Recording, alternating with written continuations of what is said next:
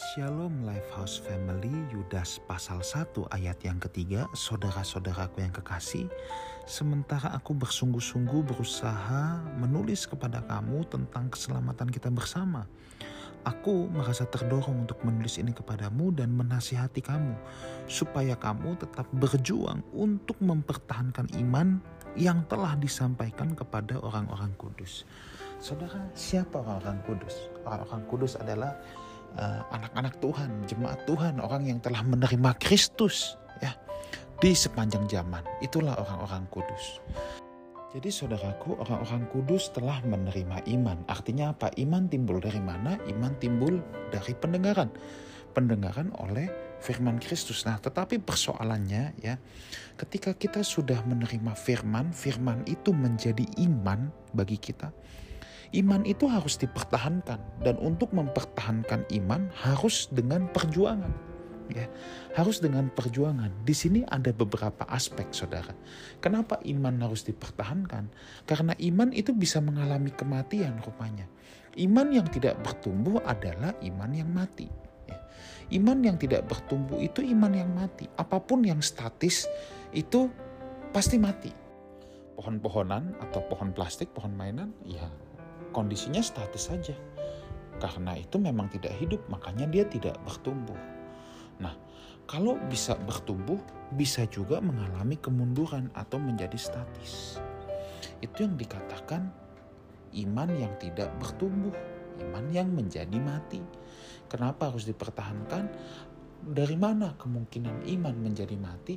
Sebab memang kita ini hidup banyak godaan, saudara. Ya, kita masih hidup di dunia ini kita hidup uh, banyak godaan. Apa yang kita lihat apa yang kita dengar. Nah kan jendela kita nih dua nih mata dan telinga ya.